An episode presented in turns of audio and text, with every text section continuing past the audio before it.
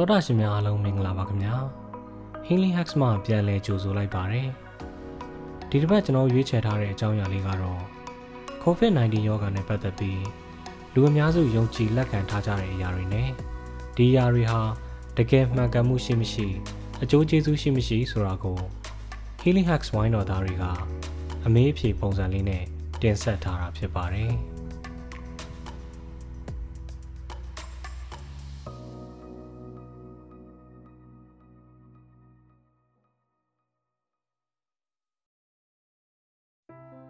COVID ဖြစ်တဲ့အခါဒီပူတဲကိုထွက်ရင်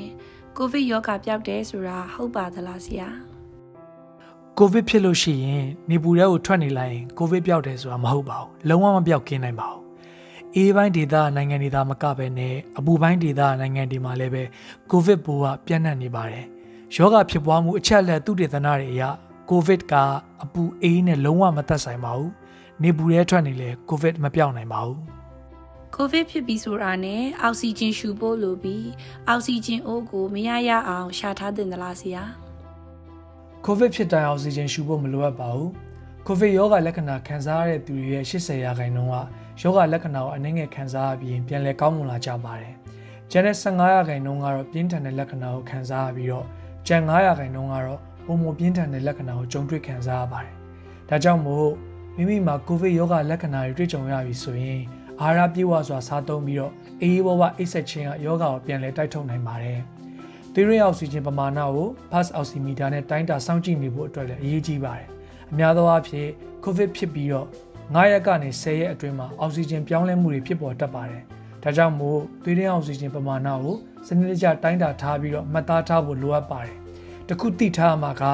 မောပန်းတာမရှိဘဲနဲ့အောက်ဆီဂျင်ကျနေရမျိုးဖြစ်တတ်ပါတယ်။ တချို့သွေးရင်းအောက်ဆီဂျင်ကျနေပေမဲ့မောပန်းမနေတာမျိုးလည်းရှိနေနိုင်ပါတယ်။ဒါကို silent hypoxia happy hypoxia လို့ခေါ်ပါတယ်။တချို့ကြတော့လည်းအောက်ဆီဂျင်ပမာဏကျမနေပေမဲ့မောနေတာအသက်ရှူမြန်နေတာမျိုးတွေဖြစ်နေတတ်ပါတယ်။အရေးကြီးဆုံးကတော့လူနာကကိုဗစ်တန်တရားလူနာဆိုရင်တတိနားလေတဲ့ဆရာဝန်နဲ့စောလင်စွာတိုင်ပင်ဖို့လိုအပ်ပါတယ်။အောက်ဆီဂျင်ပမာဏပြောင်းလဲမှုတွေကိုကိုဆွေးနွေးရမယ့်ဆရာဝန်နဲ့တိုင်ပင်သင့်ပါတယ်။ အောက်ဆီဂျင်ပေးရတော့မယ်ဆိုရင်အောက်ဆီဂျင်အိုးအမျိုးအစားအောက်ဆီဂျင်ပေးမဲ့ပမာဏပေါ်မူတည်ပြီးတော့ပေးရမယ်။ပိုက်နဲ့အောက်ဆီဂျင်ပေးနေစဉ်အတွင်းမှာဆောင်ရမယ့်အရာရှောင်ရမယ့်အရာတွေကိုလည်းပဲဆရာဝန်နဲ့တိုင်ပင်ပြီးတော့မှမေးမြန်းထားဖို့လိုအပ်ပါတယ်။လူအများစုပြောနေကြတယ်အရက်တောက်တာဟာကိုဗစ်အတွက်ကောင်းနေဆိုတာဟုတ်ပါသလားဆရာအရက်တောက်တာကိုဗစ်အတွက်မကောင်းပါဘူးတကယ်တော့အရက်တောက်တာကဘယ်ရောဂါအတွက်မှမကောင်းပါဘူး အရက်တောက်ခြင်းကကိုခံအားကိုကျစေပြီးတော့မှမိမိကိုခန္ဓာအတွင်းကိုယောဂပိုးဝင်ရောက်လာတဲ့အခါမှာပြန်လည်တိုက်ထုတ်နိုင်စွမ်းအောင်လည်းကျစေပါတယ်အရက်ကိုမကြာခဏဒါမှမဟုတ်အလွန်ကျွံတောက်ခြင်းကကျန်းမာရေးကိုထိခိုက်စေပြီးတော့မှပိုပြီးတော့အန္တရာယ်ရှိစေပါတယ်ဝိုင်းဖွဲ့ဆုတောက်မယ်ဆိုရင်လည်းကိုဗစ်ကူးလာနိုင်ခြေရှိပါတယ်နှုတ်တိုက်မိခင်တွေကိုဗစ်ဖြစ်ရင်နှုတ်တိုက်လို့မရဘူးဆိုတာဟုတ်လားဆရာကလေးငယ်တွေက ကိုဗစ်ပိုးဒဏ်ကိုပြင်းပြင်းထန်ထန်ခံစားရနိုင်ခြင်းမရှိသလောက်ပါပဲလိလာချက်တွေအရနှုတ်တိုက်မိခင်ကနေတဆင့်ကလေးစီကိုကိုဗစ်ပိုးကူးနိုင်ခြင်းရှိနေပေမဲ့အဲ့ဒီပိုးကကလေးကိုဒုက္ခပေးနိုင်ခြင်းမများပါဘူး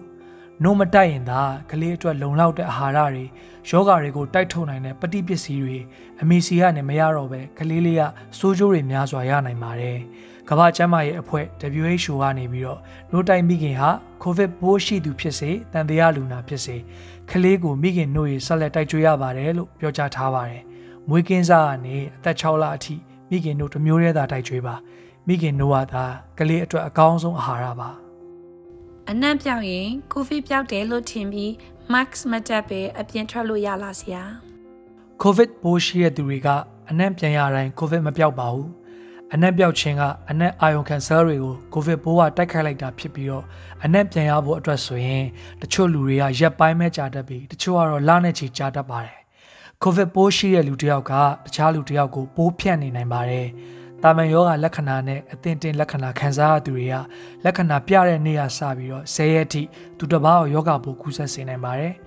ပြင်းထန်စွာကိုဗစ်ရောဂါခံစားနေရသူတွေအနေနဲ့ကတော့လက္ခဏာပြတဲ့နေရာစပြီးတော့10ရက်ကျော်အထိသူတစ်ပါးရောဂါဘူးကူးစက်စေနိုင်ပါတယ်။ငကိုရဲကကိုခံအားကျဆင်းတဲ့ယောဂါရှိတဲ့လူနာတွေကတော့ကိုဗစ်ရောဂါပါပြင်းပြင်းထန်ထန်ခံစားခဲ့ရတယ်ဆိုရင် သူတို့ကနေတဆင့်လက္ခဏာပြတဲ့နေရာစပြီးတော့ရက်ပေါင်း20ကျော်အထိတခြားသူတွေကိုကူးဆက်စေနိုင်ပါတယ်။ဒါကြောင့်မို့အနက်ပြန်ရသည်ဖြစ်စေမရသေးဘူးဖြစ်စေကိုကနေတဆင့်တခြားသူကိုကူးစက်မှုမဖြစ်ဖို့ဆိုရင် mask တက်ဖို့လိုပါတယ်။တခြားသူကနေယောဂပိုးမမိစီကိုတကြော့ပြန်ပြန်လည်မဝင်ရောက်နိုင်ဖို့အတွက်လည်း mask တက်ဖို့လိုပါတယ်။ COVID ကတစ်ခါဖြစ်ပြီးရင်လည်းထပ်မံကူးစက်ခံရနိုင်တဲ့အတွက်ဖြစ်ပါတယ်။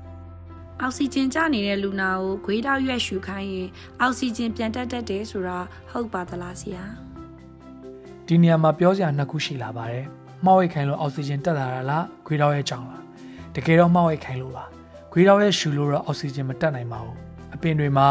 photosynthesis လို့ခေါ်တဲ့နေအောင်ခြည်ကိုအသုံးပြုပြီးတော့အစာချက်တဲ့အခါမှာအောက်ဆီဂျင်ထွက်ပါတယ်။ အဲ့တော့အပင်ကနေပြီးတော့ photosynthesis လုပ်ပြီးထွက်လာတဲ့အောက်ဆီဂျင်ကသွေးရင်းအောက်ဆီဂျင်အတွက်မမှန်ပါဘူး။ကျွန်တော်တို့လိုအပ်တဲ့သွေးရင်းအောက်ဆီဂျင်ပမာဏအထိရောက်ဖို့ဆိုတော့မစွမ်းဆောင်နိုင်ပါဘူး။ခွေးတောက်ရဲ့ရောခွေးတောက်ပင်ကမစွမ်းနိုင်တဲ့သွေးရင်းအောက်ဆီဂျင်တက်တဲ့ကိစ္စကို awake prone position လို့ခေါ်တဲ့မောက်ရိတ်ခြင်းကတော့စွမ်းဆောင်နိုင်ပါတယ်။ဒီလိုမျိုးကိစ္စတွေကမြန်မာပြည်မှာသာမကဘဲနဲ့ India Social Network မှာလည်းခေတ်စားခဲ့ပါတယ်။အိန္ဒိယမှာတော့ခွေးတောက်ရဲ့မဟုတ်ပါဘူး။လင်းချင်းစီ ပယုတ်ယူကလစ်စီတွေကိုရှူကြတဲ့မှားယွင်းတဲ့အချက်လက်တွေက social network မှာပြန့်နှံ့ခဲ့ရပါ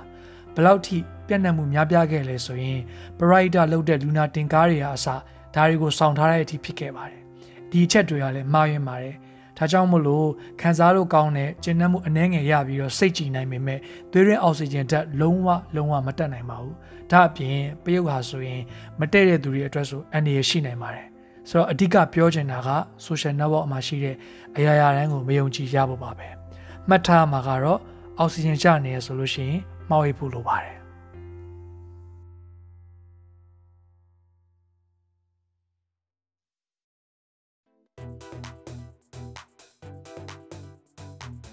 နားဆင်ပေးခဲ့ကြတဲ့တောတာရှင်များအားလုံးကိုကျေးဇူးတင်ပါတယ်ဒီတစ်ပတ်ကျွန်တော်တို့တင်ဆက်ခဲ့တဲ့အစီအစဉ်လေးကိုနားထောင်ပြီးတဲ့နောက်မှာတောတာရှင်တို့အနေနဲ့ COVID-19 ရောဂါနဲ့ပတ်သက်ပြီးဗဟုသုတတစုံတရာတိုးပွားရရှိလိမ့်မယ်လို့မျှော်လင့်ပါတယ်တောတာရှင်များအားလုံး COVID-19 ကပ်ရောဂါဘေးမှာကင်းဝေးကကျန်းမာချမ်းသာကြပါစေကြောင်းကျွန်တော်တို့ Healing Hacks အဖွဲ့သားများမှဆုမွန်ကောင်းတောင်းလိုက်ပါရခင်ဗျာ